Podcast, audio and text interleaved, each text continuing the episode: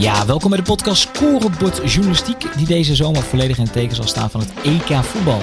Je kunt zo meteen gaan luisteren naar onze EK-show die vanochtend tussen 10 en 11 werd uitgezonden op zowel vi.nl als op YouTube.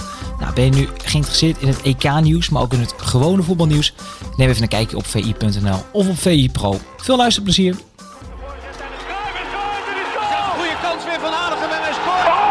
PSV pakt de Europa Cup. Kluivert, ja. Van Persie. En die komt erin. Ja. Want Depay doet het met de Panenka.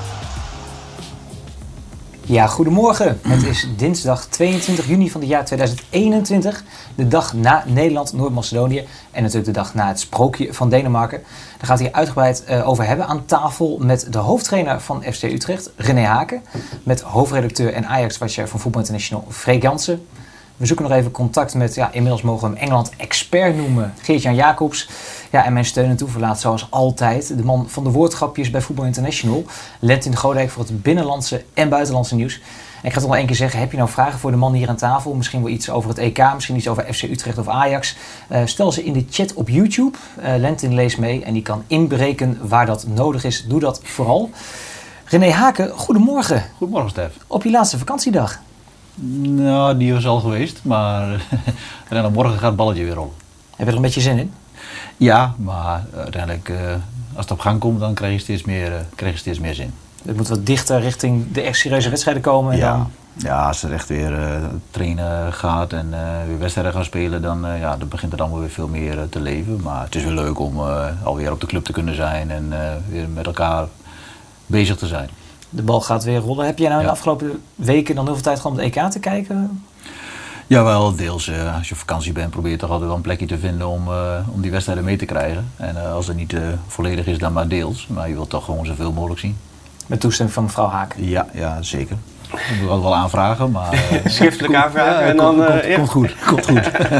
Dat komt goed. Eh, we gaan het uitgebreid hebben over de wedstrijden van gisteren natuurlijk. Ehm, toch even kort, René Haken. De meesten die jou kennen nu als trainer van Utrecht. Eerder trainer is van onder meer Emmen, FC Twente, Cambuur. Eh, lange reeks gehad. Wat, wat is jouw eh, mooiste moment van het afgelopen EK? Dan heb ik het even over deze, dit EK. Wat is nou jouw hoogtepunt geweest tot nu toe? We zijn Je verras je me mee, Stef, met, de- de met deze vraag. Het, ho- het hoogtepunt, ja, dan, dan denk je altijd aan, aan mooie, mooie goals en dat soort momenten. Maar ja, ik denk natuurlijk de, de, de situatie rondom Eriksen, hoe het Deense team daarop reageert, ja, dat heeft wel ontzettend veel indruk op mij gemaakt.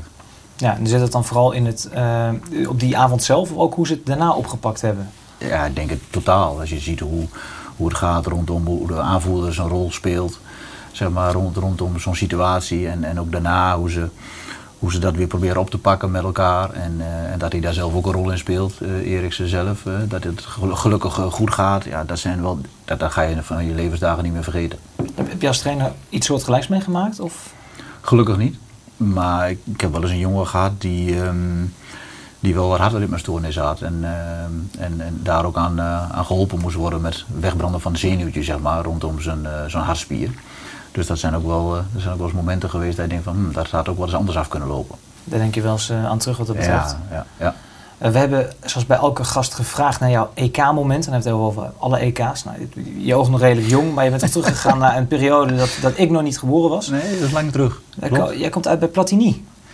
Ja, ja 84. En dat, dat was natuurlijk volgens mij een moment dat, ehm, dat, dat hij zo bepalend was voor het resultaat. Volgens mij, eh, volgens mij negen goals gemaakt Negen op één toernooi. Ja. Dat is volgens mij nog steeds een, eh, een unicum. Maar, dat was wel in die tijd ook een speler. Toen was ik natuurlijk zelf ook eh, eh, vrij jong. die, die me wel tot de verbeelding sprak.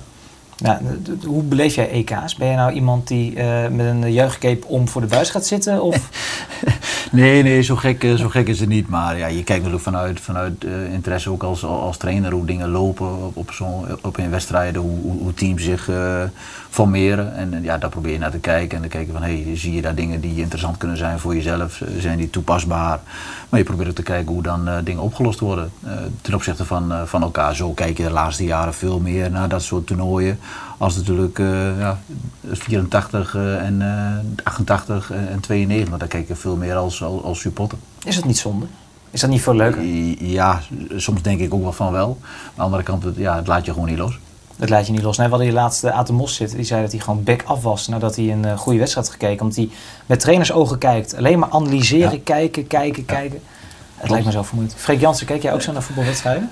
Nou, nee, niet zo. Maar ik, ik, deel wel een beetje de mening dat je toch ook op een andere manier beleeft. Vroeger, gisteren in zo'n stadion, ja, dan zit je allemaal oranje mensen in het publiek. Ja, we hebben de media. Ja, heb je dat gevoel veel minder. Ja, dat is ja. wel anders. Ja, maar ik, ik kan me het toch voorstellen, je bent ook jong geweest. Uh, ik vond het vooral een mooi oranje shirtje aan naar zo'n wedstrijd toe. Je hebt geen moment als je die mensen met van die klompen op hun hoofd ziet. Van... Nee, nou dat sowieso, dat sowieso niet. um, nee, maar goed, voor ieder zijn, plezier. Alleen, uh, nou ja, je, je bekent dit toch anders, op een andere manier. Ja. Of je dan naar de trainer kijkt als journalist. Maar goed, tegelijkertijd hoop je wel onderaan de streep volgens mij wel met z'n allen dat uh, Oranje zo ver mogelijk komt. Ja, we hadden, we hadden nu heel graag even wat beelden willen laten zien van de trainer René Haken in de Videoland documentaire. Daar zijn we druk mee bezig, want eind juli komt die uit en ik heb wat beelden mogen zien. René, we zien een heel andere, ander mens van jou. Een heel ander beeld van jou krijgen we eigenlijk. Uh, Hoezo dan? Wat, wat, wat, nou, wat, wat dan? Voor ja, geboycott aan die beelden. Die, nee, ja, dat moet allemaal nog vrij worden gegeven. Oh, en, maar Kees is uh, daar de grote man achter. Die heeft niet even die beelden gewoon uh, door kunnen sluizen. Kees heeft dat nog niet gered. Hè? Kees begint officieel pas over, wat is het, over een maandje volgens oh, mij. Ja. Over twee maanden even. ja, maar wel de grote man achter die... achter, achter die documentaire sowieso. maar dat, dat was allemaal te kort dag. Maar er komt een documentaire uit, 20 juli. ze hebben jullie eigenlijk een jaar lang gevolgd in de kleedkamer. En we zien je hier altijd zo zitten. En ook bij uh, ESPN zien we rustig voor de microfoon staan. Maar jij kan ook best wel pittig zijn, uh, René. Je kan best wel heftig reageren als het even niet loopt. Ja, dat is wel een, een deel wat, uh, wat je niet vaak ziet inderdaad. Dat hou ik voor de momenten dat dat nodig is. Maar zo meteen kan heel Nederland meegenieten, hè? Ja, dat, dat is wel apart. Ik heb zelf ook inderdaad al dingen gezien dat ik denk van... Hmm, ja, dan kijk ik misschien soms wel beter even de andere kant op. Maar is de Kamer overal bij geweest? Nou, niet overal, maar in de kleedkamer, bij wedstrijden, maar ook uh, rondom trainingen, oh, rondom echt, besprekingen. Ja. Zijn ze wel veel geweest, ja. En had je dan een wel momenten dat je zelf kon zeggen, nou nu even niet? Jawel, ja. Oké, okay, ja. dus je hebt wel... Ja, als er echt heel veel persoonlijke dingen ja. werden besproken. We hebben ook wel momenten gehad dat we, uh, zeg maar, spraken over de selectie, zeg maar. Ja, ja weet je, dan, dan komen er dingen in beeld wat je, wat je gaat zeggen over wat je, welke spelers uh, ze eventueel wilt halen of, wat je zou, of spelers verhuren. Ik vind dat soort dingen, dat hoort niet in de buitenwereld. Ja. En dan, dan is het ook prima. Maar verder, overal als je terugkijkt, is het dan iets wat je denkt van nou, dit eigenlijk liever niet meer? Of heb je precies, nou, dit mag wel meer open? Ja, ik moet zeggen, ik heb alle totaal nog niet teruggezien. Nee. Ik heb alleen maar wat van die flitsen teruggezien uh, van waar je dan zelf in, uh, in voorkomt. En ja, ik vind het altijd wel heel vreemd om naar jezelf te ja. kijken. Kijk, als je voor een camera staat, dan is het zeg maar ook frontaal. En dan, ja. dan, en, maar nu zie je jezelf ook wel eens van de zijkant of van de achterkant. En dan zie je hoe je, hoe je soms ook uh, reageert. En denk van, oh ja, hm, ben ik dat? dat denk van, ja, dan, dan, dat beeld heb je helemaal niet van jezelf. En dat, nu is dat wel op die manier wel confronterend, maar ook wel weer leuk. En ik moet eerlijk zeggen, ik heb daar geen, geen last van gehad. Nee. In het begin had ik wel even iets van, oké, okay, nu zijn ze er. En dan, maar op een gegeven moment dan, dan merk je ja. dat niet eens meer. Dan ja, merk je het niet meer. Je kan heel mooi vloek in het Engels, heb ik uh, gezien, René. Ja, ja, ja maar jij hebt dat delen gezien. Engels is niet zo slecht, toch wel? Ja, Engels is prima, maar nee, ik, ik heb een stukje gezien. Maar uh, ADO Den Haag thuis. Voor de mensen, ja? even een teaser, kan nog niet laten zien. Maar uh, ga dat vooral kijken, want dat is echt... maar hoeveel, hoeveel delen is het? Is het Zesdelig. Zesdelig. Zes keer een half uur of zo? Ik weet niet. Freek, we moeten wel wat langer. Nee, nee, nee. Nou, dat is wel best wel... Uh, ja, zes keer een half uur. Ja. En dan heb je Utrecht of Feyenoord. Nou, eerst komt Utrecht uit en later komt Feyenoord uit. Dus wij kunnen gewoon in alle kleedkamers kijken. Eerst uh, René Haken, daarna Dick Advocaat. Dus dat is... Uh... Maar het is wel, wel grappig dat dit soort dingen ontstaan. In de zin ja. van, ik denk jaren terug bij, bij NBA of NFL. Ja. En in Amerika was dat eigenlijk heel normaal dat het gebeurde. Hier eigenlijk helemaal niet. En zo in één keer zie je ook dit soort dingen in, in Nederland. In ieder geval rondom het voetbal, zeg maar, de kop op, opsteken. Terwijl je een aantal jaren terug nee, zou denken van... Toen werd het allemaal steeds minder, steeds ja, meer gesloten. Precies. Ik denk dat Sunderland vorig jaar, ik weet niet ja, of je ja. dat Sunderland, dat kwam vooral voor een coronatijd, volgens mij heeft iedereen die docu wel gezien. Dat was wel echt een mooie serie, waardoor ja. denk ik voor veel clubs ook wel aantrekkelijk wordt om... Ja. Je geeft ook even wel gewoon een inkijkje voor de support. Het, het, het, roept ook wel een bepaald supportsgevoel op, ja. kan ik me voorstellen. Ja, en wat je zegt, ik denk binding, dat, dat is ja. wel heel, heel erg belangrijk. Zeker in deze tijd ook met, met corona. Misschien, ja, dat valt dan misschien toevallig samen. Ja. Maar, maar uiteindelijk is het wel zo dat je dan wel mensen laat meekijken wat er gebeurt. En misschien creëer je daardoor ook veel meer begrip voor datgene wat er gebeurt. Je, je kunt dingen laten zien. En natuurlijk, je kunt er niet alles laten zien. Nee. Want uh, ja, je neemt wel veel op, maar ja. meer, uh, 70% wordt niet, uh, niet uitgezonden. Maar je kunt wel laten zien van wat er gebeurt. En ik denk dat dat aan de ene kant best wel goed is. Als je, als je het maar op een goede manier ja. met elkaar afstemt. Ja, dat, uh, lijkt me ook, we gaan het zo meteen uiteraard nog even hebben over FC Utrecht. Maar laten we even terug gaan naar het EK. Naar de wedstrijden van gisteren allereerst. Misschien we de uitslagen er even bij kunnen pakken. Dag 11. Ehm, daar staan ze. Uh, Oekraïne-Oostenrijk. Ik denk dat in Nederland niemand die wedstrijd gezien heeft, behalve de commentator van de NOS. Uh, nou, Noord-Macedonië-Nederland 0-3. Finland-België ook vrij weinig kijkers. Ja, en, en Rusland-Denemarken 1-4. Ja, ik vond het geweldig gisteravond. Op voorhand dacht ik, ik uh, moet gaan zeppen. We moeten kiezen. Nederland zelf, dan kijk je uiteraard. Maar dan heb je die wedstrijd van 9 uur. Dus ik begon uiteraard bij die, uh, bij die Denen. Want daar ging het nog ergens om. Je had toch Belgen zien. En dan werd er gescoord bij die Belgen. En dan ging je naar, naar die Denen, waar het stadion ontploft. En we ging... Dat was echt ontzettend leuk gisteravond, ja. toch? Doelpunten die afgekeurd werden ja. en uiteindelijk niet doorgingen. En dan uh, werd het weer, de stand weer anders. En dus daardoor weer de, de, de indeling voor de volgende ronde weer anders. Dus dat was continu, veranderde dat. En ook omdat de Denen hebben echt de gunfactor. Door alles wat er gebeurd is, Absoluut. merk je ook, ieder, je merkt ook aan de reacties om je heen. Uh, vanochtend ook, als mensen spreken, dan gaat het eigenlijk niet, niet eens direct over Oranje. Het gaat over de Denen. Dat de Denen ook de wedstrijd zelf, hè, leek het toch alsnog even helemaal mis te gaan. Hè, met die penalty tegen ja. en een afgekeurde goal op België. En dan vervolgens, ja, ook geweldige doelpunten van die Denen. Ja. Ja. Het, het, het, leeft daar dan wel. Maar kan dit nou ook iets ja, teweeg brengen dat zo'n ploeg ook stiekem gewoon richting een halve finale, finale misschien wel winst gaat? Het brengt dat? misschien zo'n groep wel dichter bij elkaar. Dus, je hoort wel eens vaker dat, dat, dat je een ploeg als iets nodig hebt om, om net even dat laatste stukje dichter bij elkaar te komen. Uiteindelijk ja, als team boven jezelf uit te kunnen stijgen. En misschien is dit wel iets voor hun waardoor dat gebeurt. Vooral denk ik ook omdat met uh, Eriksen uh, uiteindelijk de goede kant op aan te gaan. Ja, ja zeker. Dus daar, zit, daar zit echt wel, denk ik, uh, de crux ja, in. Want je zag andere... het met Nouri bij Ajax, dat ging de verkeerde kant op. Ja. En dat, bleef, dat, dat heeft de hele club zo lang nog in de greep gehouden. Maar ja, je wilt er dan niet over nadenken uh, als het iets wat dan ook maar anders afgelopen was, wat er dan was gebeurd. Dat, dat, nee. Nee. Nee. Nee, maar dat is uh, gelukkig niet gebeurd. Vergeet wat mij opviel, Kesper Dolberg viel nog in. Ja. Uh, hoe gaat het eigenlijk met die jongen uit Ajax Spits? Beetje vergeten voetbal aan het worden voor ons hoor, maar ja. naar Nice gegaan natuurlijk. Voor mij een redelijk seizoen gehad, niet heel uh, spectaculair. Ja, het viel me wel op. Gisteren mocht hij, mocht hij eindelijk weer eens een keertje, een keertje meedoen. Terwijl die aanvallers bij de Denen niet in geweldige vorm verkeren. Ja, ik moet wel zeggen, ik heb niet de indruk dat ze hem bij Ajax nou, uh, nou missen. Nee, maar als toen hij wegging was het toch best wel wat commotie dat hij wegging. Zo'n talentvolle spits. Tenminste bij de buitenwacht. Ja, nou hij is heel snel gekomen. En toen had hij uit een echt spectaculaire entree had hij. Dat hij volgens mij gelijk in die voorronde wedstrijd voor de Champions League scoorde gelijk. En dat was, volgens mij zijn vooral onder, onder Peter Bos heeft hij echt wel hele goede wedstrijden gespeeld. Lyon uit, ik heb nog de geweldige stiftbal ja. van, hem, uh, van hem herinneren. Maar vervolgens ook wel weer heel veel, heel veel moeite gehad. Ook natuurlijk een strijd met, met Huntelaar eigenlijk op een gegeven moment ook zelf uh, gewoon verloren. Daarna ook heel veel moeite gehad voor die spitspositie. Blessure gehad ook nog? Blessure gehad, echt veel pech ook met blessures ja. gehad. Ja, dus op dat vlak, het, het was eigenlijk overal net niet. Nou ja, ik kon Ajax wel goed voorstellen dat ze destijds dachten van nou we gaan doorselecteren en uh, we nemen afscheid van Doorberg. Ja, maar het is leuk van zo'n EK dat je dat soort jongens ook in één keer weer in actie ziet en ook weer afvraagt inderdaad hoe het met ze gaat. Ja. Iemand van jullie nog iets van België gezien gisteren? Of jij kan het terug uit de arena waarschijnlijk? Ik heb de doelpunt alleen gezien, want ik heb ja. inderdaad ook de, de Denen gezien, want dat bleef je trekken. Dat was een geweldige wedstrijd. Ja, dat was wel aan het switchen. Uh, met uh, wat jij zei van uh, dat daar gebeurt wat en dan ga je snel naar, naar, naar, Nederland 3 en, of NPO ja. tegenwoordig en dan ga je weer terug en ja, ondertussen... Lullig en lullig doelpunt van die Finnen, want die Finnen, die keeper, die heeft, als ik het overal lees, geweldig gekiept. Ja. En dat we die 1-0, ja, ja, dat is via, wat was via de paal of de lat? Ja, via de paal. Hij tikte hem zelf binnen, hè? Ja. Uh, kopbal van Malen. Lukaku wel een fenomeen, hè? Ja, dat, maar goed, dat, dat heeft hij natuurlijk al uh, bewezen in, uh, in de competitie.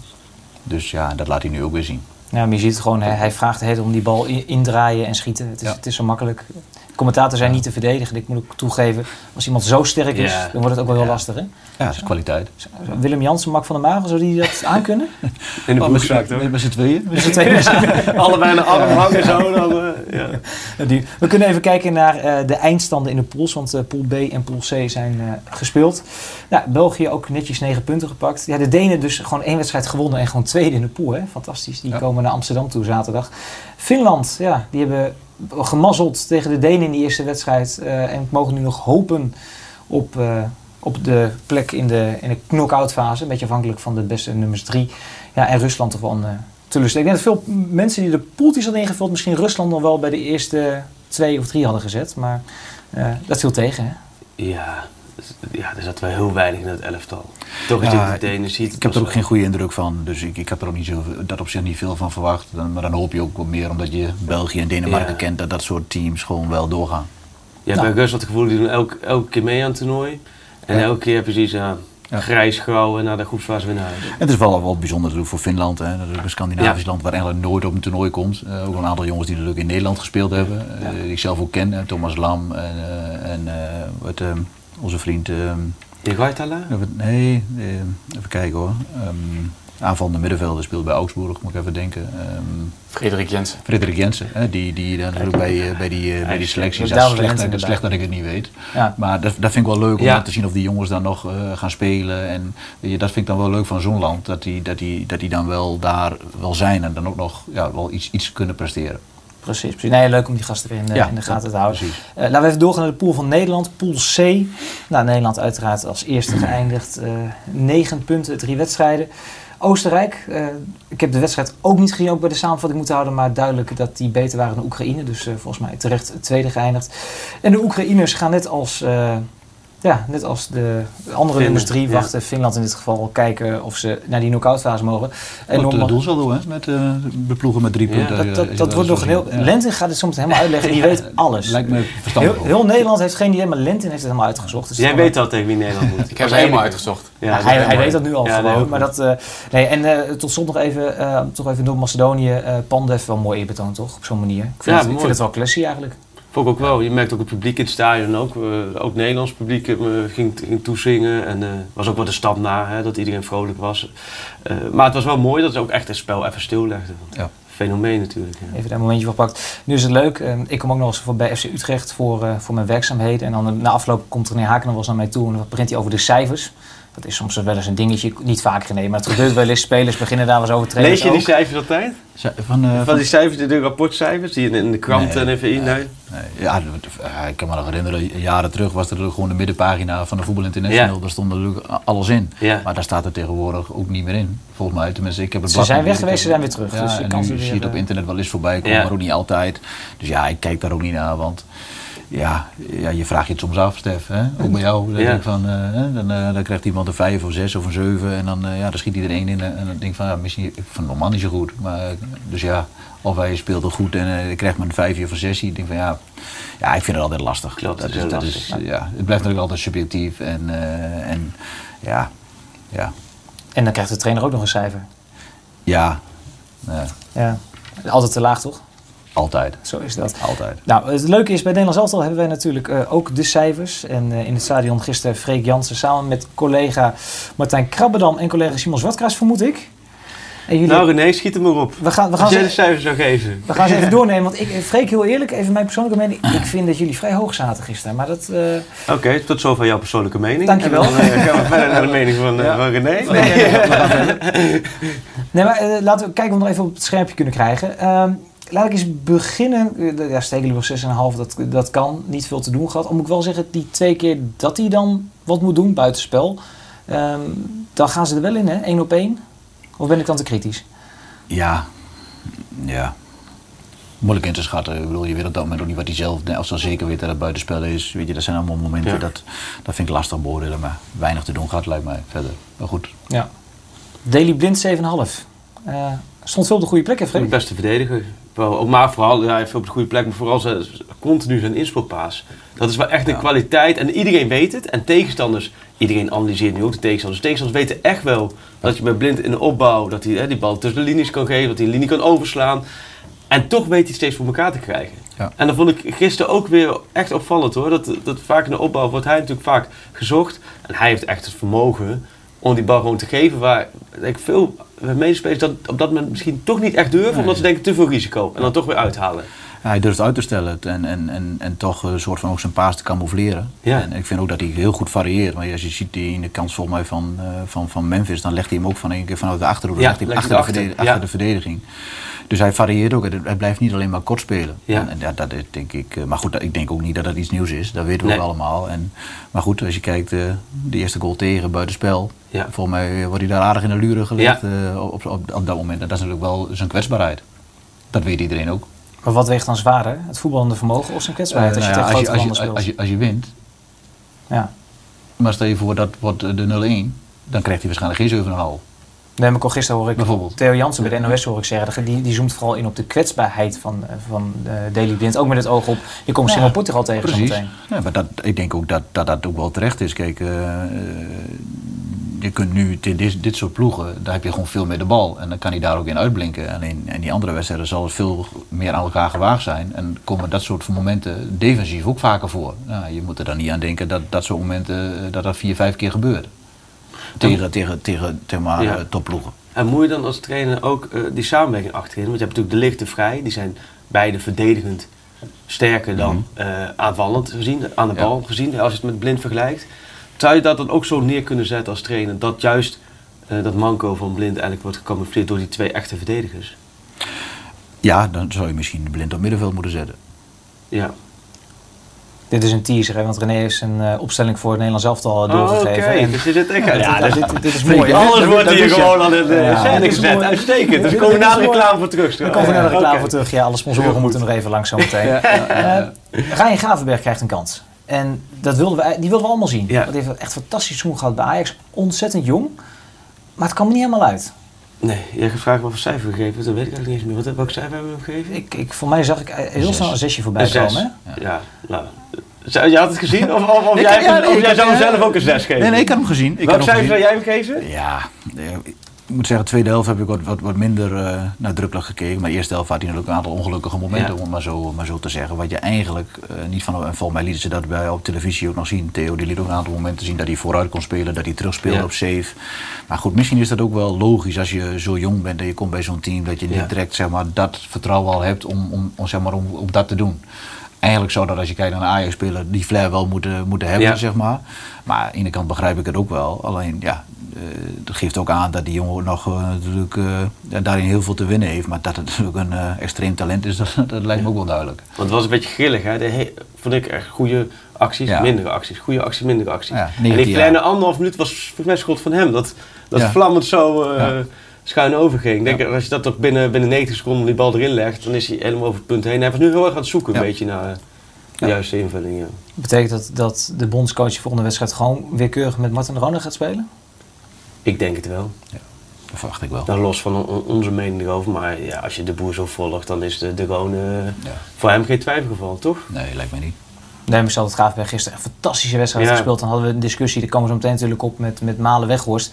Ja. Uh, dan was dit misschien ook een discussiepunt geweest, maar die heeft zich niet dermate nee, kunnen etaleren gisteren. Nee, maar als je kijkt naar je hebt, uh, Gravenberg en als je uh, Frenkie de Jong hebt, dat zijn wel twee jongens die ook wel veel dezelfde dingen doen. Hè? Qua positie ja. waar ze de bal willen halen, aan de bal willen komen, willen dribbelen. Uh, op die manier overtal creëren, dat zijn, dat zijn wel een beetje van, het lijkt wel op elkaar vanuit dat oogpunt. Dus misschien uh, heeft hij daar ook wel last van gehad gisteren, dat, dat ze misschien wat te veel in elkaar zone uh, hebben bewogen. Dat ja. heb ik zo niet in beeld, maar ik kan me qua type speler kan ik me ja. dat heel goed voorstellen. Ja, ik krijg op mijn oortje te horen dat we meteen even naar jouw ideale opstelling ja. kunnen gaan nemen. Dan kun je meteen uitleggen hoe Frank de Boer het beter kan doen. Nou, nou, beter. Ik ga sowieso niet zeggen dat het, dat, die, dat het beter is op deze manier. Alleen je hebt, je hebt daar een bepaald idee bij. Nou, jij gaat allereerst weer terug naar 4-3-3. Daarin, uh, wat meteen ja. opvalt, is uh, het centrum met de licht en de vrij. Want jij posteert blind op het middenveld. Ja, nou, ik, ik, ik, zie een aantal dingen gebeuren. Um, gisteravond ook weer dat in de rug van, uh, van onze middenvelders daar tegenstanders heel vaak vrijkomen. En, en, ik denk als je, als je uh, met Blind en eventueel met Frenkie de Jong voor de verdediging, dan denk ik dat je dat meer kunt, uh, kunt voorkomen. Daarnaast kan Blind altijd nog uh, uitzakken als derde opbouwer. Wat hij bij Ajax ook heel veel gedaan heeft, naast de centrale verdedigers op ertussen. En dan kan hij dan eventueel afwisselen met, met Frenkie de Jong, waardoor de backs uiteindelijk wel weer hoger op het veld kunnen. En je dan de, de keuze hebt om, om Memphis vanaf links naar binnen uh, vrije rol te geven, Berghuis, binnenkant, buitenkant kunnen spelen, waardoor je wel in overtal komt op middenveld. Uh, dat je met vier, soms misschien wel met vijf uh, mensen in de as op middenveld kunt uitkomen. En, en je daardoor op die manier uh, ook de kwaliteiten denk ik kunt gebruiken. Want, uh, want ook Steven Berghuis, die, die denk ik met zijn, met zijn trap, vrije trappen, maar ook assists, goals uh, kan toevoegen op, op die manier. bij Naldum kun je nog steeds op middenveld houden met, met zijn diepte. Dat zeg je gisteravond natuurlijk heel, heel zeker de tweede helft, hè, toen, toen Nederland ook ja. iets anders ging, ging spelen. Uh, met, met, met Berghuis aan de zijkant en, en eigenlijk um, uh, Malen aan de binnenkant. Um, Wijnaldum als andere kant als tien en, en Memphis als, als, als spits. Die dan vanuit ja. die positie kunnen gaan lopen. Maar ik kan me ook de positie van Berghuis voorstellen aan de binnenkant. Als hij daar aan de bal komt met zijn schoot of met zijn steekballen. Dat hij toch uh, zeg maar die andere mensen aan het werk kan zetten. En dat je dan Dumfries... En Dumfries, ja, ja, ja, precies. Ja. Hoe vonden jullie dat hij inviel gisteren, Berghuis? Hij wilde heel graag, hè? Hij wilde ontzettend graag. Ja, maar was hij gelukkig? Mm, ja. ja, volgens mij was hij ook heel dicht bij een goal nog. Maar volgens mij lag hij net niet goed. Maar ja, Steven is een jongen die zich graag wil bewijzen. En, en uiteindelijk is hij denk ik in de eindfase van de kwalificatie heel belangrijk geweest. En uiteindelijk doordat het, zeg maar, de formatie is veranderd, is hij eigenlijk een soort van... Uh, kind van de rekening, ja. Tenminste, dat, dat, dat lijkt het min of meer een beetje op. Maar goed, ik denk dat, dat met, zijn, met zijn vaardigheid, zijn, uh, zijn, uh, zijn goals kunnen maken, assists, binnenkant, buitenkant kunnen spelen, dat hij ook prima uh, zeg maar op deze manier kan functioneren. En dan zei De Ronus bij jou dan het kind van de rekening, als ik het zo zie. Toch? Ja, want je hebt dan ja. Blind, is natuurlijk ook een controlerende ja. speler, dat is, dat is de, de Roon ook. Ja. maar Blind heeft dan alweer iets extra's. Hè. Die kan, en op middenveld, maar die kan ook terug in de laatste linie, waardoor je eigenlijk ja, uiteindelijk op een vergelijkbare veldbezetting komt als dat je nu hebt. Alleen je start anders. Klinkt wel logisch eigenlijk. Alleen, ik, ik zeg net wat Dumfries, maar ik zie nu bij jou, jij hebt, ik, kies voor Timber, zou jij kiezen? Net Of oh nee, dit is weer een andere op. Dit is de opstelling van de gisteren tweede helft. Die, die komt zo meteen. Dit is nee. Oh ja, we, alleen we, we, we schakelen hier tussen opstellingen. René, ja. René twijfelt nog aan de linkerkant volgens mij oh, tussen ja. uh, Wijndal en Van Aanholt. Ja, kijk, als je, als je nu kijkt, hè, dan, dan speelt Van Aanholt en dat, dat zal zijn reden hebben. Maar als je kijkt in het voortraject, dan, dan had niemand rekening nee. gehouden met Van Aanholt. Dus zou Wijndal spelen. En als je kijkt naar Memphis naar binnen spelen met Wijndal als lopende speler, wat hij bij AZ natuurlijk ook heel goed doet dan, dan is dat helemaal niet raar dat hij daar zou gaan spelen. Alleen uh, uiteindelijk is hij door wat voor omstandigheden dan ook, uh, heeft de, de bondscoach gekozen voor, uh, voor Van Aanholt. Wat natuurlijk prima is, die het goed doet. Ja, die twee ontlopen elkaar, wat dat ook niet veel. Ja, Freekje zegt net de opstelling van gisteren, had hij er ook even bij gepakt. De opstelling van de ja. eerste helft en daarna van de tweede helft. Um, want we hebben ook wel een soort van uh, een driehoekje te pakken voorin lijkt het wel. Hè? Drie jongens die elkaar erg goed kunnen vinden. Memphis, Malen, Wijnaldum. Dat, dat liep bij Vlagen wel lekker. Ja, dat liep, ja, dat liep gewoon, eigenlijk gewoon heel goed. Kijk, je hebt het inderdaad vaak Memphis, Wijnaldum, dat daar heel veel van afhankelijk is. Dus ik uh, laten de cijfers ook zien hè, met doelpunt assist. Maar ik denk de manier waarop Malen zichzelf gisteren gepresenteerd heeft, ja, dat was gewoon heel indrukwekkend. Eigenlijk vanaf de eerste seconde vol energie, maar ook echt een aanvulling van Memphis. Veel diepgang, eigenlijk zijn kwaliteiten kwamen heel veel naar boven. Gewoon zijn snelheid, uh, echt de, de, de drive om continu richting het doel te gaan. Nou ja, die 1-0. Ik denk dat je zo'n situatie als de 1-0 hoe beter de tegenstander wordt, hoe meer je in dit soort situaties gaat komen. Eigenlijk gewoon, gewoon een dikke vette counter. Hè? Waar, je, counter, waar wij vies van worden als dit in het buitenland gebeurt. Maar in Nederland was, was, dit gewoon echt een counter onderschept op de 16 door Blind. En ja, nou ja, met z'n tweeën gingen ze ermee aan de haal, uh, Malen en Memphis. En, en een perfect uitgevoerde voor de counter. En dat, naarmate denk ik de weerstand hoger wordt, ga je dat meer, meer krijgen. krijgen. Komt er meer ruimte achter de verdediging te liggen. Ja, dan is Malen met zijn snelheid en diepgang, ja, dat is gewoon een wapen. En dat is dan een groter wapen wat je hebt dan, uh, dan Weghorst. Dus dat, ik vind op die manier heeft Malen zichzelf uh, gisteren wel uh, vol in de kijk gespeeld. Ja, ja maar dan kijk je naar de opstelling van René Hakenet. Uh, voorin heb jij nog staan Weghorst, schuine streep Malen. wie moet er spelen, René? Weghorst, ja, die, dat... die ken jij nog volgens mij, hè? het verre, verre verleden. Ja, niet zo heel goed, maar uiteindelijk... ja, ik ken je natuurlijk wel amateurtijd van, van Neo, dat hij destijds naar Willem II ging als, als hele jonge speler. En uiteindelijk daarna, na mijn tijd uh, bij, bij Emmen terecht kwam en toen eigenlijk uh, alles een beetje in de stroomversnelling uh, is gekomen. Ja, en hij heeft het natuurlijk gewoon geweldig gedaan. Hij vertelde net voor de uitzending dat jullie in die tijd ook wel nagedacht hebben van moeten we hem wel of niet pakken. En toen ging je uiteindelijk naar Willem II toe. Ja, zeker, natuurlijk. en, maar ook daarna nog bij mijn tijd bij Zwolle, toen hij bij Emmen eigenlijk bijna niet speelde. dat we dachten van, zou dat een welkome spits zijn? Nou, toen ging hij natuurlijk nog naar, dacht naar Heracles. Zeker. Heracles heeft hij natuurlijk gewoon daarmee de transfer afgedwongen naar, uh, naar AZ. En ja, die jongen die, uh, die doet natuurlijk het hartstikke goed. En uh, met, zijn, met zijn karakter, met zijn doorzettingsvermogen. Ja, dan, als je dan zo in de Bundesliga je presenteert en uiteindelijk ook in het Nederlands elftal gewoon een goede rol vervult. Ja, dat vind ik gewoon heel knap. En, en, ja, en als je kijkt, dan vind ik, zeg het net al, kijk, naarmate je tegenstanders uh, zeg maar gelijkwaardiger worden. Dan zul je dichter bij je eigen goal komen te spelen. Uh, dat wil je niet altijd, want gisteren zag je ook een aantal momenten dat Nederland een doeltrap van de tegenstander heel goed uh, onder druk zet, heel hoog de bal verovert. Dan ligt er bijna geen ruimte achter de verdediging. En dan zie je ook wel dat ze ook wel aan het zoeken zijn van welke ruimtes je moet lopen. En dan heb je wel het moment dat je met weg was voor de goal. En ik heb die momenten wel gezien in de eerste wedstrijden. Dat, dat als de bal vrij lag, dat hij wel aanstel te maken om de loopactie te maken. Maar hij of niet gezien werd of niet herkend werd dat hij die loopactie maakte om die bal toch uh, achter die verdediging te geven waar hij op loert. Hij werd een beetje overgeslagen soms. Nou ja, of, of dat dan uh, overgeslagen is. Of, of, maar goed, uiteindelijk gaat het om dat hij daar wel mee bezig is. En dat hij daar wel op, wel op loert en je hem dan in stelling kunt brengen. Alleen dan zijn de ruimtes kleiner. Uh, alleen nu, met Maal, als je gisteren ook die, die goal kijkt, ja. dat, dat, hij zet hem zelf op. Maar vergeet de rol van Wijnaldum niet. Eigenlijk door de diepte van Wijnaldum, ja. die speelt Memphis vrij. Ja. daardoor kan Memphis hem gewoon binnenlopen. En, en dat, dat, is natuurlijk, als je die ruimte hebt en je, en je, je bent bewust van elkaar, van dat je die ruimtes voor elkaar maakt, ja, dan is dat gewoon een, een, gewoon een hele goede goal. Maar dat is uiteindelijk ook uh, wat er veel gebeurt in, de, in de huidige, zeker in topvoetbal. Dan gaat het heel vaak om omschakelen. Ja. Het, het grappige is, dit, dit, is de landelijke discussie tot aan zondag, hè? Maal of Weghorst. Dit, dit ja, dat, dat, gaat de komende dagen nog maar door. Maar, maar ik vind ook dat het verlengde van jou, wat je zegt, normaal, de tweede helft in die kleine ruimte vond ik hem ook af en toe heel sterk. Zijn, zijn paasje bij de 3-0 ja. meen ik. Ja, dat, dat was weer geloof. Dat zag er misschien op het eerste ook makkelijk uit, maar dat was helemaal niet makkelijk. Nee. Precies de juiste snelheid. Dat is top. Ja, dat was echt geweldig hoe je dat en hoe je dan toch op die manier aanvoelt waar de ruimte ligt. Ja. Maar, maar, ja. maar, toch heel even in zo'n spelersgroep. René, jij weet hoe dat gaat. Ik zag gisteren interviews. Uh, Memphis zei het is aan de bronscoach wie er speelt. Of dat Malen weg was. En ik, en ik hoorde Wijnaldum hoorde ik zeggen van... Ja, het is wel bekend dat het wel erg lekker is voor ons om met Donjel te spelen. Ik proef, maar misschien zeg ik dat soms buitenstaande... dat Memphis en Wijnaldum misschien wel liever met Malen spelen. In hoeverre moet je oren dan laten hangen als trainer? Nou ja, zeker de moeite waard om daarna te luisteren. Want dat zijn natuurlijk de spelers die, uh, die het verschil kunnen maken. En uiteindelijk gaat het om een team. En, op het moment dat, je, dat uiteindelijk hun uh, ook beter gaan functioneren uh, doordat, doordat Malen gaat spelen. Ja, dat zou wel gek zijn als je, het, als je het uiteindelijk niet doet. Alleen uiteindelijk, het moet niet zo zijn dat die spelers aankloppen. Maar goed, dat, dat wordt natuurlijk wel besproken. Dat kan niet anders. Dat lijkt me, lijkt me logisch. Heb je dat afgelopen seizoen bij Utrecht nog gehad? Dat spelers bij de deur klopten van... Ja, vaak genoeg. Maar eigenlijk... Uh, deed je ook open? Ik deed ook... Ja, de deur staat vaak open, dus dat is niet zo moeilijk.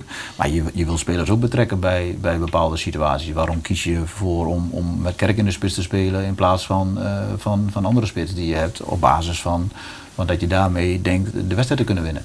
Nou, Freek geeft er net al aan. Straks ga je tegen een meer gelijkwaardige tegenstander voetballen. Dus, dus, dus je komt vaker halverwege de helft van de tegenstander rond de middenlijn te spelen. Dan dat je misschien op de 16 van de tegenpartij speelt als je de bal niet hebt. Dus dat betekent ook dat je je eigen ruimte creëert. Ja, en we hebben nu gezien en Dumfries, Malen, maar ook Memphis heb ik gisteren heel veel gezien met diepteloopacties. Ja. En veel meer als in, in, wedstrijden daarvoor. Uh, Wijnaldum die natuurlijk, kan, zelfs Frenkie de Jong kan nog komen. Ja. Linksback die kan komen. Dus we hebben heel veel spelers die dan wel zeg maar, de ruimte hebben en ook de timing hebben om, om daar te kunnen komen. En ik denk dat dat wel, wel heel goed is. Ja. Oké, okay. interessant. We gaan het de volgende wedstrijd zien. Uh, Lentin staat hier al een tijdje in de studio, niet voor niks. Die heeft binnenlandse en buitenlandse media gevolgd. En er zijn vragen volgens mij, Lentin. Absoluut. Een uh, vraag voor de mannen aan tafel. Um, in onze chat worden Frenkie de Jong en Kevin de Bruyne naar voren geschoven als de twee beste middenvelders van dit toernooi. Zijn jullie het daarmee eens? Ja, ik ben ja, maar dat, ja. Toch? Wie zou, als ze nog een nummer 3 zou noemen, wie zouden we dan uit? Dat weet ik eigenlijk niet zo snel. Bij, bij Naldum. Ja, bij Naldum. Ja, absoluut. Heel goed. Ja. Ja, dan moet je er wat dieper in duiken om ja. bij andere landen te kijken. Want Kanté speelt natuurlijk uh, bij Frankrijk, die, ja. maar die is nog misschien wat minder opvallend. Tot nu toe. Nou, de vraag is heel specifiek dit toernooi. Hè? Niet wie de beste middenvelder is, maar nee, gewoon op, tot nu toe ja. dit toernooi. Ja. ja. om de Bruinen kunnen we natuurlijk niet heen. Lijkt me niet. Dus, nee, nee, dan schuiven lekker de Hollandse jongens ook een beetje naar voren, toch? Ja, Wij, Wijnaldum ook niet, hè, trouwens. Drie goals, hè. Ja. Dus, uh, Wat je zegt, continu onderweg, hè. Ja. Dat is echt zo'n kwaliteit, ja. Wat voor... Lentin, heb jij nog meer? Ja, um, we pakken even de buitenlandse media erbij. Want uh, het lekkerste is natuurlijk altijd als andere mensen aan jou vertellen hoe goed je bent. Uh, we gaan even naar de Spaanse kranten. Want met name Marca is erg positief over ons. Die noemt Oranje een van de best voetballende ploegen van dit toernooi. Nou in Spanje zijn ze natuurlijk vooral jaloers op onze doelpuntendrift. Want uh, ze hebben nog maar één goal en wij hebben er al acht. Dat is natuurlijk wel een, een aardig verschil. Uh, met name natuurlijk dat aanvallende trio waar jullie het net al over hadden, wordt uitgelicht in Spaanse media. Memphis, die natuurlijk onder vergrootglas ligt um, bij de Spaanse kranten, maar ook Wijnaldum en Malen krijgen daar veel complimenten.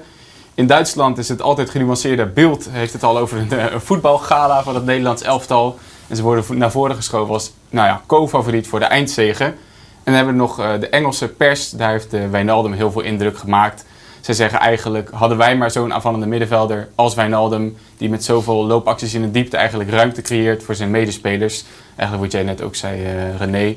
Daar zijn ze in Engeland wel een beetje jaloers op. Uh, nou ja, er waren natuurlijk nog andere wedstrijden. Gisteravond, Denemarken hebben we het hier al over gehad. Maakte heel erg veel indruk. Ja, er kwamen natuurlijk heel veel emoties naar boven. En nou ja, die staan allemaal mooi op de voorpagina's in Denemarken. En in België is alle bescheidenheid inmiddels het raam uitgevlogen. Die uh, durven nu echt met de borst vooruit te lopen. Die vinden zichzelf wel, um, nou ja, ook wel echt een favoriet voor de zegen. En uh, een analist, Mark de Grijze, die zei... Uh, ik denk dat veel landen jaloers op ons zijn. Nou, heeft hij denk ik ook wel een punt. Hè? We zo'n aanval als die Belgen hebben. die zouden wij volgens mij ook wel, wel willen hebben. Dus er is weinig discussie over Romelu Lukaku wel of niet in de spits als hij er zo wel inschiet. Ehm, ja, is, dat, is dat de titelfavoriet, Freek, nu, België? Ehm, ja, eigenlijk vanaf het begin eigenlijk al. Hè. Dat het, het, is een beetje van, van dat groepje landen wat je nu tot nu toe hebt gezien. Hè, met, met België, Engeland, uh, Spanje. Frankrijk, Italië, dan maakt België wel top indruk. Met Italië met z'n tweeën. Die andere heb je het gevoel dat dat allemaal nog een beetje los moet komen. Hè? Engeland, ja, Spanje. Nou, Portugal natuurlijk Portugal, als, als ja. outsider, ondanks dat ze natuurlijk eraf geveegd zijn tegen, tegen, tegen Duitsland ja. uh, in dat opzicht. Maar België volgens mij gisteren ook voor het eerst een soort van sterkste opstelling gespeeld. Met, uh, ja, ze hebben een paar jongens rust gegeven, maar een paar jongens zijn teruggekomen. Dus, ja. ja. Witsel die vanaf het begin uh, speelde gisteren, dat is natuurlijk wel anders dan in die, in die wedstrijden daarvoor. Dus op die manier... Alleen ja. is grappig, ja, qua schema komen zo op. Je krijgt België-Italië waarschijnlijk in de kwartfinale al. Hè? Dus je kijkt nu Italië, Oostenrijk en België tegen uh, nummer 3. En dan, dan, ontmoeten ze elkaar daarna. Ja. Ja. Dus dat vind ik dan wel gelijk een lekkere clash die ja. eraan zit te komen. Want dat wordt voor de Belgen, dat wordt echt geen makkie hoor, voor de Belgen. Absoluut niet. Daar gaan we Italianen indruk maken. Daar gaan we dan eens lekker voor zitten. Uh, we beginnen wel een beetje Nederlandse trekjes te krijgen. Hè? Een beetje, beetje arrogantie die Belgen dan. Ja, nou ja, ze zijn natuurlijk altijd heel, uh, heel voorzichtig. En uh, ja, dat is nu een beetje, een beetje verdwenen bij de Belgen. Lekker de borst vooruit. En uh, nou, we houden er wel van, toch? Mag wel een beetje. Ja, mag het ook een keertje. Die zijn al jarenlang, toch? Zo'n zo wereldranglijst waar je, waar je eigenlijk volgens mij niets aan hebt. Staan ze al jarenlang op nummer 1. Ja. En bij eindtoernooien, het is nooit... Uh... Het is uh, tot nu toe inderdaad, vorig was WK ook een halve finale. Ja.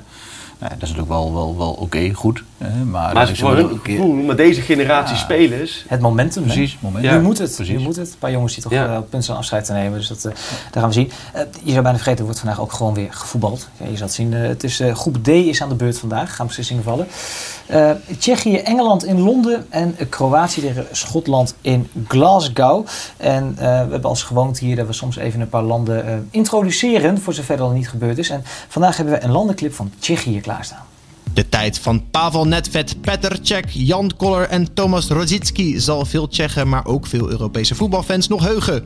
Hoewel deze ex-toppers nooit een hoofdprijs pakten met de Tsjechische formatie, leert een blik op de ranglijst van record internationals en eeuwige topscorers wel dat dit de hoogtijdagen waren voor het Tsjechische voetbal.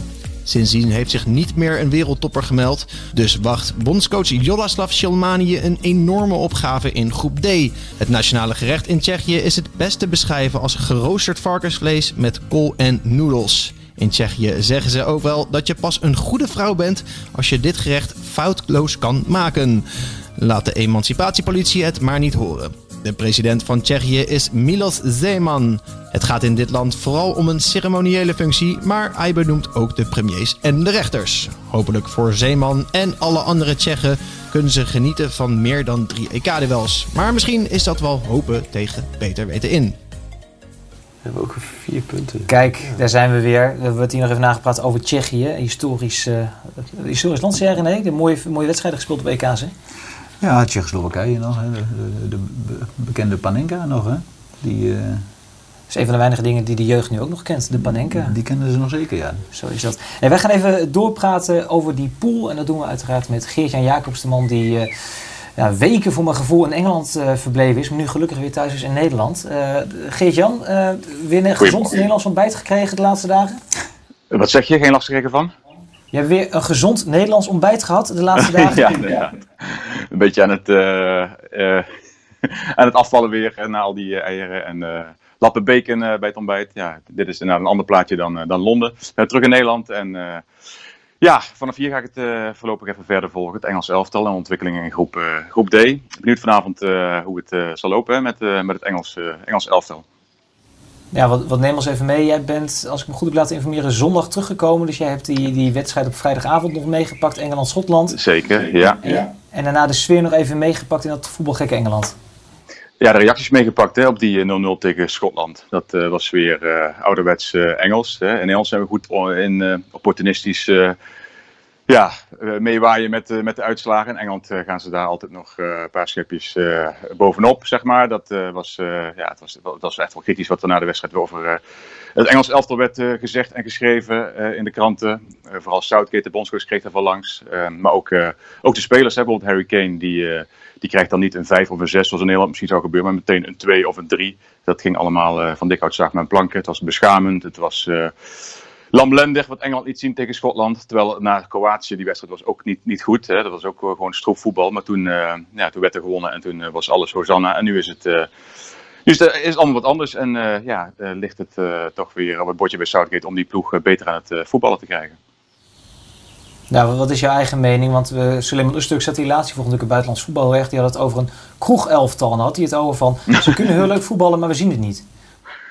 Nou, ik kreeg ook reacties van mensen die dan vrijdag voor de tv zaten in Nederland. En die uh, hadden het idee dat ze naar Skuntop United tegen Wickham Wonders waren aan kijken qua niveau. Nou, dat had ik niet op Wembley, dat gevoel dat het zo slecht was. Het was wel een intense, meeslepende wedstrijd, vond ik. Uh, alleen het was, het was inderdaad geen, geen goed voetbal. Als je ziet wat voor spelers Southgate dat zijn beschikking heeft, dan, dan valt het allemaal tot nu toe erg, er, erg tegen. Hè. Het is een beetje alsof Engeland heeft een heel mooie auto in potentie staan. Als je, als je de, de spelers ziet. Alleen uh, het piept en het kraakt en het sputtert allemaal. Onder de motorkap zit het niet goed. En Southgate zal het heel snel moeten oplossen. Want uh, zoals ik zeg, de messen zijn geslepen in Engeland. En ja, men verwacht van deze selectie met al die goede jonge voetballers toch toch iets meer. En uh, ja, wat ik vooral zie is dat er gewoon heel weinig uh, lijn nog in het spel zit. Hè? Je hebt achterin heb je tot nu toe uh, centraal heb je twee boom, boomstammen gehad. Aan beide kanten matige backs. controlerende middenvelders die vooral goed zijn in het bal afpakken en afbreken. Dan heb je op links heb je Sterling staan die al een hele tijd uit vorm is. Ook dit toernooi nog weinig van gezien. Hij was vrijdag in mijn ogen de zwakste bij Engeland. Op rechts heb je de creatieve man Phil Foden, maar die staat uh, ja, inderdaad weggestopt aan de rechterflank kan er niet echt het spel spelen wat hij bij City uh, vaak speelt, waar hij uh, toch meer aan de bal komt. En voor een Harry Kane die erg verloren rondloopt en die dan ook een beetje gaat zwerven uit de spits en ballen gaat halen op het middenveld en naar de flanken uitwerkt, maar niet staat waar hij, waar moet staan. En dat is in het punt van de aanval. Daar is hij van wereldklasse, maar dat heeft hij nog niet kunnen laten zien dit toernooi. Dus het is echt nog zoeken voor Southgate naar een goede formatie. Ik moet ook uh, wel terugdenken uh, aan, uh, aan eerdere lichtingen. een jaar of 10, 15 geleden had je natuurlijk in Engeland ook een paar hele goede voetballers. zoals Gerrard en Beckham en Lampard. En die konden ook nooit op een of andere manier in één in elftal gegoten worden door de bondscoaches. En nu heb je weer een beetje hetzelfde probleem. Dat Southgate heel veel goede spelers heeft, maar heeft ze nog niet in de juiste formatie kunnen gieten. En de roep om met name Jack Grealish neemt toe. Die viel vrijdag in tot grote vreugde van het publiek op Wembley, maar viel niet goed in je ziet volgens mij ook wel dat hij niet het vertrouwen voelt van de bondscoach. Dat hij nog uh, ook zoekende is naar zijn uh, rol in het elftal. Die zal vanavond misschien wel uh, de kans gaan krijgen vanaf het begin. En Jadon Sancho bijvoorbeeld, hè, ook natuurlijk een, een speler die creativiteit kan toevoegen. Die bij Dortmund hartstikke goed jaar heeft gehad. Die heeft nog geen minuut gemaakt. Die zal misschien vanavond ook eindelijk gaan debuteren op dit toernooi. Ja, dus wachten op een, eh, op een regisseur, op een speler die de, bij Engeland de lijnen uitzet en die een beetje uh, ja, creativiteit aan het elftal uh, toevoegt. Hij zal ook moeten wisselen trouwens, Southgate, hè, want Mount zal het waarschijnlijk niet redden. Hè. Die zit in quarantaine omdat hij te veel in aanraking is geweest met zijn ploeggenoot Billy Gilmore van Schotland. Hè, samen met Ben Chilwell, de linksback, die er vanavond waarschijnlijk ook niet bij kan zijn. Zitten allebei in quarantaine, Mount en Chilwell. En achterin is de kans groot dat Harry Maguire gaat terugkeren naar zijn blessure. Dus dat zal ook achterin wel weer een andere dynamiek teweeg brengen. Dus het, het is afwachten wat voor een Engeland we vanavond gaan zien. Ja, het heeft allemaal te maken met, met corona, vanzelfsprekend. Ja, ja. De Schotten, want daar, daar houden we allemaal wel een beetje van, hè? Dat vinden we wel.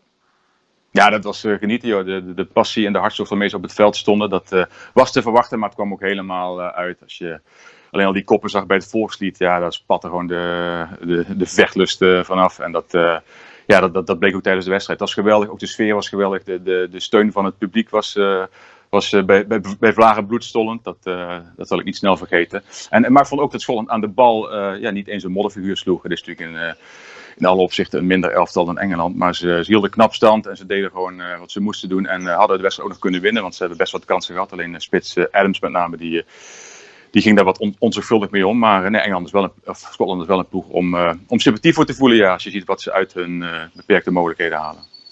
Ja, Kroatië, Schotland vanavond en Tsjechië-Engeland. Uh, even een voorspelling, jij als kenner van die pool en van het Britse voetbal. Uh, gaan de Schotten het redden? Uh, vroeg, Schotten gaan. ja, als ik zie hoe de Schotland met het vuur dat zij spelen en daar tegenover het uitgebluste Kroatië, denk dat Schotland het wel dus kan gaan redden. En Engeland-Tsjechië, ja, dat lijkt op voorhand een gelijkspel te gaan worden. Want uh, Engeland staat tweede, Tsjechië staat eerste. En Engeland heeft er ook gek genoeg baat bij om tweede te worden. Want als ze eerste worden, moeten ze tegen de nummer 2 van de gevreesde pool F. En als ze tweede worden, kunnen ze tegen de nummer 2 uh, eh, spelen van, van groep E, de, de, de pool van, van Spanje. Ja, dat lijkt toch een wat, wat betere route te worden. Hoewel ze dan wel moeten verhuizen naar Kopenhagen en niet op het eigen Wembley kunnen blijven spelen. Dus dat speelt ook nog mee. Maar ik zou een drietje invullen voor Engeland, Tsjechië en ja, Schotland. Ja, waarom niet? En trouwens, ook, vanochtend las ik ook nog dat uh, José Mourinho zich heeft gemengd in de strijd om, uh, in de discussie over het spel van het Engels elftal. Hij vindt ook dat Jack Grealish moet spelen en dat ook Jude Bellingham erin moet in het Engels elftal. Dus nou ja, zelfs Mourinho vindt dat het creatiever moet en dynamischer, dan, dan weet je wel een beetje hoe de vlag erbij hangt in, in Engeland. Dan weten we in ieder geval dat, dat Engeland een probleem heeft als, als Mourinho vindt dat het attractiever moet. Geert-Jan, veel plezier en als ik het zo beluister gaan we lekker Schotland kijken vanavond. Wat je wil.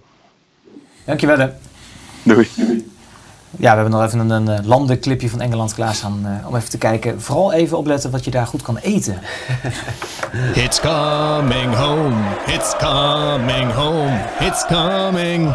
De Engelsen hebben evenals veel Europese landen een speelstad toegewezen gekregen en dus spelen de Three Lions hun wedstrijden in het Wembley Stadium in Londen. De laatste keer dat een EK in Engeland werd gespeeld was in 1996. En destijds wisten de Engelsen de halve finale te halen. Latere kampioen Duitsland schakelde het gastland uit door onder meer een gemiste strafschop van huidige bondscoach Gareth Southgate.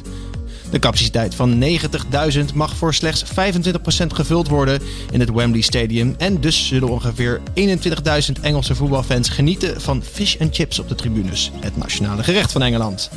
Diezelfde fans hopen hun Engeland heel vaak te zien spelen, want als de Engelsen maximaal presteren, spelen ze alleen in de kwartfinale van het EK niet in eigen land. De premier van het Verenigd Koninkrijk, Boris Johnson, zal dit feitje met enthousiasme tot zich nemen. Als oud-burgemeester van Londen kent de Britse premier de stad op zijn duimpie. Grote speel in het al dan niet te verwachten succes voor de Engelsen is natuurlijk spits Harry Kane. De 27-jarige aanvaller heeft nog 19 doelpunten nodig om eeuwig topscorer Wayne Rooney voorbij te gaan. Maar hij zal zich het liefst de recordboeken inschieten met een EK-titel op zak. Jans hoor. Yes, dat was Engeland. Uh, wij gaan meteen even door naar Lentin. Want uh, Lentin, er, er, is één vraag die iedereen in Nederland bezighoudt. Tegen wie gaan we eigenlijk spelen zondag? Uh, ik begrijp het niet meer. Freek deed net een hele dappere poging. wie tegen wie komt te spelen. Maar jij hebt het uitgezocht. Ja, dat was zeker een dappere poging van Freek. Maar we gaan het er even bij pakken, want het is zo onduidelijk. Um, ik kan niet beloven dat hierna wel perfect duidelijk is, maar ik ga nou van een poging doen. Laten we even de drie pools erbij pakken. De drie standen in uh, de pools die wij kunnen treffen. Hè. Dat gaat om groep D, E en F. Momenteel zijn de nummers 3 Kroatië, Spanje en Portugal. Nou, dat oogt niet echt als een, als een makkelijke loting. Maar er kan natuurlijk nog heel veel gaan veranderen. Hè? Want uh, Spanje speelt tegen Slowakije. Nou, kunnen we wel redelijk vanuit gaan dat die, dat die gaan winnen. Nou, zo zijn er nog een aantal wedstrijden die er invloed op hebben. Maar de kans is nu zo'n 90% dat we Portugal gaan krijgen in de achtste finale. Omdat de andere scenario's een beetje in het water zijn gevallen. Het heeft ermee te maken dat de nummer 3 van groep A te weinig punten heeft gehaald. Nou, dat is allemaal erg gecompliceerd, maar laat ik het even wat simpeler vertellen. Uh, er zijn ook een aantal dingen die nog kunnen voorkomen dat wij tegen een land uit groep F moeten. Uh, dat heeft ermee te maken dat Kroatië of Schotland vanavond moet winnen. Dat is namelijk de nummer 3 uit groep D dan. Als die vier punten pakt, dan wordt er weer een beetje geschoven in dat uh, klassement van nummers 3. Dan mag Polen niet winnen van Zweden. En Spanje moet wel winnen van Slowakije. Dan is er nog een kans dat wij groep F ontlopen. Want dan komt de nummer 3 van groep F iets te laag en dan gaat hij niet door. Er is nog een ander scenario natuurlijk denkbaar. Want Hongarije moet nog tegen Duitsland. Wij gaan er allemaal vanuit dat Duitsland die wedstrijd gaat winnen. Maar wat als Hongarije wint? Dan gaat die hele pool weer helemaal door elkaar heen. Lang verhaal kort, wij krijgen waarschijnlijk Portugal. En als we heel veel geluk hebben, ontlopen we de Portugezen. Maar ik wil toch alvast voor de zekerheid even een oproep doen aan uh, Frank de Boer. Want als je kijkt, Frank, we hebben nu 25 spelers. Hè, Donny van der Beek is afgevallen. Volgens mij is er nog plekje voor één speler erbij. Ik stel voor dat we Galip Boularus daarvoor oproepen. Want die heeft uh, goede ervaring met de Portugezen. Hoe zit een beetje angst in. En dan uh, maken ze zich misschien iets meer zorgen om ons te treffen. Zou dat Ronaldo daar zit, die deed gewoon nog mee, hè, die wedstrijd. Ja. Ja, het is bizar, die loopt al zo lang mee. Die wordt ook al 40 jaar voor je, zo ziet. maar, maar hoe fit is Boela nog? Ja, nou ja, de slagen erbij te halen, dat kan zomaar, ja. Maar dan, dan zou het dus, als het dus niet die groep wordt... Ik probeer nu toch even jouw woorden tot te nemen. Dan, zou het dus, dan kan het ook zijn dat je Kroatië treft dus. Ja, het enige andere scenario is dat we de nummer 3 uit groep D krijgen. Dus dat is Kroatië of Schotland? Kroatië of Schotland, afhankelijk van wie er dan uh, vanavond wint. nou ja, ik moet zeggen, Kroatië is ook niet zo dat je daar eventjes... Uh, hoewel die dit seizoen, of dit toernooi niet heel veel indruk maken. Nee, nog niet. Terwijl ze wel uh, op papier goede, ja. goede spelers hebben. Maar het, uh, het lijkt er allemaal een beetje van de bal graag in de voet willen hebben. Ja. Dus de droomloting is uh, Schotland. Zijn we het z'n allen mee eens dan toch, of niet? Hongarije. Oh, zo ja. Ja, joh, weet je. We laten Eh, morgenavond zie je We laten- we laten ons verrassen. Ja, ben jij zo iemand, René, die dan dit allemaal bij gaat houden? Of ben je iemand die achterover leunt en gewoon kijkt wat eruit komt en dan zien we het wel? Ja, eh, jij, eh, denk dat jij dat ook nog wel weet, dat je vroeger van die Panini-boeken had met die, met die plaatjes. En dan kon je alles keurig in bijhouden. Dus dan kon je alles ook goed, goed eh, wegzetten. Dus dat, dat is wat ik eh, op jongere leeftijd deed. Maar nu, ja, Lentin die zegt het, eh, maar uiteindelijk alle scenario's liggen open. Dus we moeten maar gewoon afwachten hoe het loopt. Want we weten allemaal hoe onvoorspelbaar het kan zijn. Hè? Dat, we denken van dat Spanje zomaar even van die wint, terwijl die ook nog niet super spelen. En dat kan natuurlijk een hele makkelijke overwinning worden. Maar aan de andere kant kan het ook zomaar anders zijn. Dus ja, gewoon afwachten en uiteindelijk... Kijken, kijken wie we tegenkomen. Precies. Maar de jonge René Haken had dus voetbalplaatjes, panini-plaatjes. Jazeker. Ja? Alles sparen? Ja, ja. Boeken volmaken. Dan ging al je zakgeld... Ging, ja, dat ging... Uh, ja, dat is leuk. Welke, welke tijd hebben we het dan over? Nou, toch wel. Van de jaren, jaren 80 denk ik voornamelijk. En dat daar uh, de WK 82, EK 84, 86, 88 natuurlijk. Uh, 90 toen werd het daarna wel een beetje minder. Maar die boeken zijn allemaal wel uh, Ja. volgekomen. En zijn die bewaard gebleven, René? Ja, die zijn zeker bewaard gebleven. Maar uiteindelijk, ehm, die, uh, liggen nog denk ik bij mijn ouders op zolder. Of anders heb ik die al uh, aan een uh, verzamelaar doen toekomen. Prachtig, prachtig. Ja. Ja, dat is toch de liefde voor het voetbal wat erin Ja, absoluut. We gaan even terug naar Lentin, want die heeft een paar kijkersvragen. Ja, er zijn ehm, veel mensen natuurlijk die, eh, die meekijken. En eh, het gaat dan over, eh, heel veel over het EK. Het gaat ook over wat dingen die eh, buiten het EK gebeuren. Nog even kort uitleggen, waarom is Kees er niet vanochtend, Sef? Waarom Kees niet dus nog? Nou, Kees heeft een vrije dag eh, genomen, Lentin. Nee, uh, het is eigenlijk heel simpel. Uh, Kees Jansma is sinds kort, of eigenlijk vanaf deze zomer, wordt hij de, een vijfde RVC-lid van FC Utrecht. Dus dat, uh, hij moet eigenlijk de directie van FC Utrecht gaan controleren. Dus je moet op een gegeven moment, als de directie zegt, van, we gaan die haken geven een uh, contract voor drie jaar, dan gaat Kees Jansma zeggen van, nou, zouden we dat wel doen eigenlijk? En dan het eerste evaluatiegesprek hier aan tafel te doen meteen, dat was ook wel... Uh, ja, ik kan me erop verheugen. Maar wat, wat vind je ervan, dat Kees dat gaat doen? Ja, uh, uiteindelijk uh, is Kees er wel iemand die, uh, die de voetbalwereld heel goed ja. kent. En, en ik denk niet dat hij zich heel nadrukkelijk op de voorgrond wil plaatsen om, om zich met de dagelijkse gang van zaken te bemoeien. Maar als hij mensen kan, kan influisteren van hoe je als club zijnde bepaalde dingen beter kunt ja. regelen of wat dan ook. Ja, dat, ik denk dat het altijd welkome informatie is binnen een raad van commissarissen waar die kennis over het algemeen wat minder is. is ja. Maar jullie dus, hebben natuurlijk al een RVC-lid die zich wel laat gelden. Frans van Zeumeren. Ja, maar ik, ik, ken niet super uh, de, de hele organisatiestructuur, maar volgens mij is Frans dan een grote aandeelhouder. En, en, of die dan in de raad van commissarissen zit, of uh, volgens mij niet. Precies. Maar Lentin, wat uh, wilde jij daar verder over weten, over Kees Jansma? Nou ja, ik denk dat het met Kees Jansma die top 3 eindelijk wel een keer aangevallen zou worden, hè, komend seizoen. Ja, met Kees wel, ja. is die top 3, is dat het... Ik moet niet gelijk weer een cynische journalist uithangen, maar dat, dat gaat toch eigenlijk nooit gebeuren bij Utrecht? Ja. Snap je? Ik snap wel dat ze dat altijd je... willen, maar als je, als je zolang je Ajax, PSV, Feyenoord, AZ, nee, maar... dan, dan is eigenlijk met een heel goed seizoen ja. zou je vierde worden, denk ik, met die drie clubs. Maar of is het nee, echt... Je hebt natuurlijk al een aantal clubs die, die met AZ, die natuurlijk een kampioen is geworden, Twente. Uh, ja. Maar goed, heeft het ook te maken met de mindere periode van, van, van, van, van de topclubs. Maar goed, ik hoef jou niet uit te leggen dat, dat natuurlijk, het gaat om woorden. En, ja. en dat je die woorden op die manier oppakt. Kijk, als je er heel goed naar kijkt en heel goed naar luistert, heeft Frans dat ook niet zo, nee. Precies, dus en ja. dan gaat het zijn eigen leven leiden. Maar je voelt daar geen extra, het is niet zo de extra druk dat je daardoor voelt. Nee, maar je wilt voor mij altijd het maximale ja. uithalen. Maar wat is, wat is volgens jou het maximale voor Utrecht?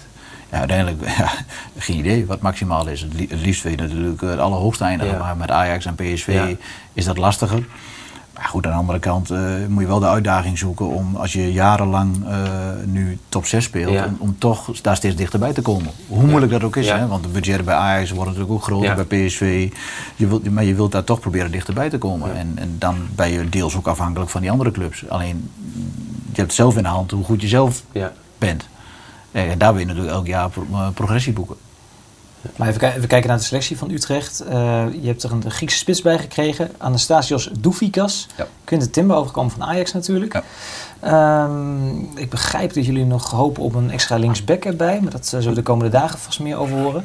Maar er moet ook altijd iemand verkocht worden bij Utrecht, toch? Om, om zwarte cijfers te schrijven.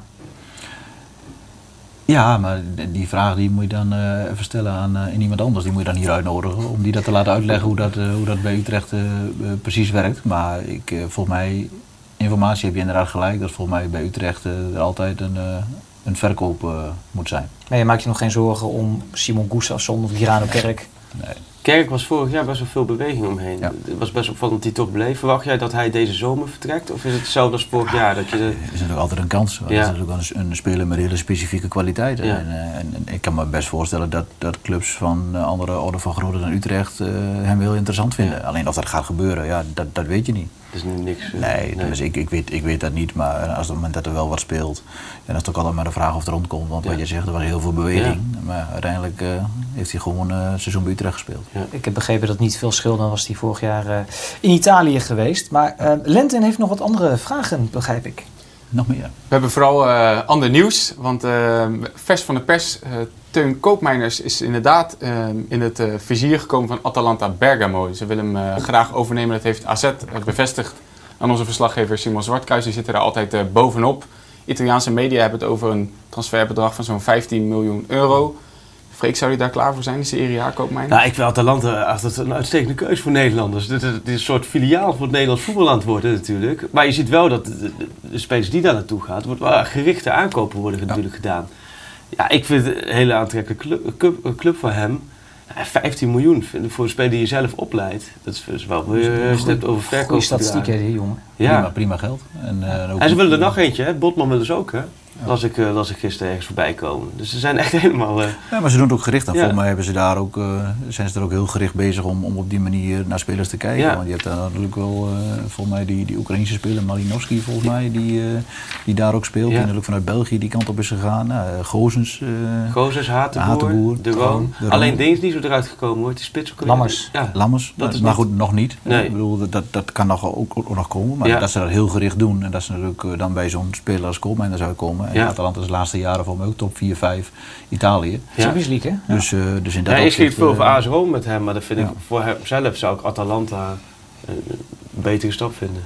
Qua statuur natuurlijk, AS Roma, ja, uh, ja. qua club. En, Tuurlijk, dat is dat gevoel. Alleen qua dat, uh, visie van de club en ook het, het, het voetbalvisie. Ja, het inbrengen van spelers. Ja. Hij wil zelf graag naar Italië, weet ik. Dus dit uh, het zou ideaal uitkomen. Lenton, heb jij nog meer? Ja, uh, er is ook natuurlijk gevoetbald in de, in de Copa America. En daar heeft Argentinië weer een overwinning geboekt. Lionel Messi um, speelde zijn 147ste interland voor de nationale ploeg. En daarmee evenaart hij Javier Mascherano.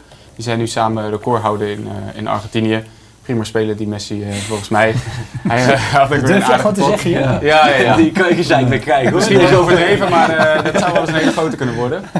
Maar nee, een lekker begin voor Argentinië inderdaad van de Copa America. En, en Sven Botman had ik hier ook nog staan inderdaad met zijn interesse van Atalanta Bergamo. Ik heb ook begrepen dat ze misschien in het oranje gaan spelen komend seizoen. Omdat ze zoveel Nederlanders hebben. Ja, we gaan het meemaken. Dankjewel Lente wat dat betreft. René, tot een paar titelkandidaten nu benoemd, links en rechts. Wie is nou voor jou op dit moment de titelkandidaat voor dit EK? De titelkandidaat, ja, dat blijft natuurlijk wel. Uh, um, als je kijkt naar, naar nu, zou je zeggen van dat Italië een hele grote kans zou moeten maken. De, het spel, zowel met als zonder bal, wat, wat natuurlijk agressief, dynamisch is. maar als je kijkt naar individuele kwaliteit van spelers, ja, moet je natuurlijk Frankrijk, uh, die natuurlijk een moeizame wedstrijd speelde, de vorige, ja, dat, dat blijft natuurlijk een kandidaat. En, en, uh, en, Duitsland lijkt weer op te krabbelen naar een hele eerste, moeizame eerste wedstrijd. Dus ja, Freek noemde net ook die landen met België erbij, ja. Engeland nog als, als een soort van outsider. Nederland die daar natuurlijk daar nog een rol in kan spelen. Dus ja, je kunt nu niet, niet, niet direct zeggen van dat, dat gaat hem worden. Want ja, je hebt ook wel vaak genoeg gehad de ploegen die uh, de, de voorronde moeiteloos doorkomen. Die liggen er uh, in, in de eerste volgende ronde liggen ze er direct uit. Ja. Dus ja, maar dat, dat soort landen spreekt eigenlijk wel voor zich dat die, dat die het gaan uitmaken, die, uh, waar we het net over hebben. Freek, sluit je daarbij aan? Of? Eens helemaal. Naar de cover van de nieuwe VI die net binnen is gekomen. Nu begint het pas, staat erop, oranje. Dat is natuurlijk ook... Heeft je laten zien voor de mensen thuis. Dat is ook wel het gevoel, maar nu met die groepsfase dat de 16 van de 24 doorgaan. Het is een aanloop waarin je zit, waar je wel het gevoel die knock-out was. Dan gaat het los. Dan, toch? Dan heb je het gevoel, dan gaan ja. we pas echt het ja, EK op waarde kunnen inschatten. Dat denk ik ook, want als je kijkt, uh, Oekraïne werd natuurlijk op voorhand uh, de, ja. papier een redelijk makkelijke pool. Maar toen we tegen Oekraïne moesten, was Oekraïne toch best wel een goede ploeg. Ja. Maar dat valt er nu ook uh, zeg maar, in verhouding tegen. Hè? Die is nog een vraag of ze überhaupt, überhaupt door, doorgaan. Ja, en, en uiteindelijk de laatste wedstrijd van die pools, als, als het beslist is, zie je toch dat ploegen, eh, Italië stelt ook gewoon bijna een compleet andere, andere ploeg op. Dus, dus dan is het toch anders. En straks gaat het echt om, ja, je gaat door of je bent weg. Ja. En, dat vind ik ook wel in Nederland zelf zo moeilijk op waarde in te schatten. Ja. Omdat je echt in de, in de groep hebt gezeten met echt zwakke landen. Maar, dan, maar dat brengt ook, denk ik, uh, op het moment dat het erom gaat, brengt dat ook een andere focus en ook een andere mentaliteit met zich mee. Uh, ook in zo'n ploeg. En, en, dat je misschien op die manier nog weer dichter bij elkaar komt en, en dan ja, dat het gelijkwaardiger wordt. Ja. ja dan uh, met de kwaliteiten die Nederland heeft, ondanks dat ze niet top spelen. Maar ja, je, je hebt wel ontzettend veel dreiging en individuele kwaliteit die wedstrijden kunnen beslissen. We gaan het uh, meemaken. De, de, mooiste periode van het EK komt er misschien wel aan. René Haken, Freek Jansen, dank jullie wel voor uh, jullie komst. We gaan vandaag kijken wat er in groep D allemaal nog staat te gebeuren. En morgenochtend zijn we hier weer en dan met Hedwiges Maduro. Fijne dag. Komt de voorzet en de scoort! Het is! Een goede kans weer van Aardigem en hij scoort! Oh, de goal! PSV pakt de Europa Cup. Kluivert, ja! Van Persie, en die komt er erin! Ja! Depay doet het met de Panenka.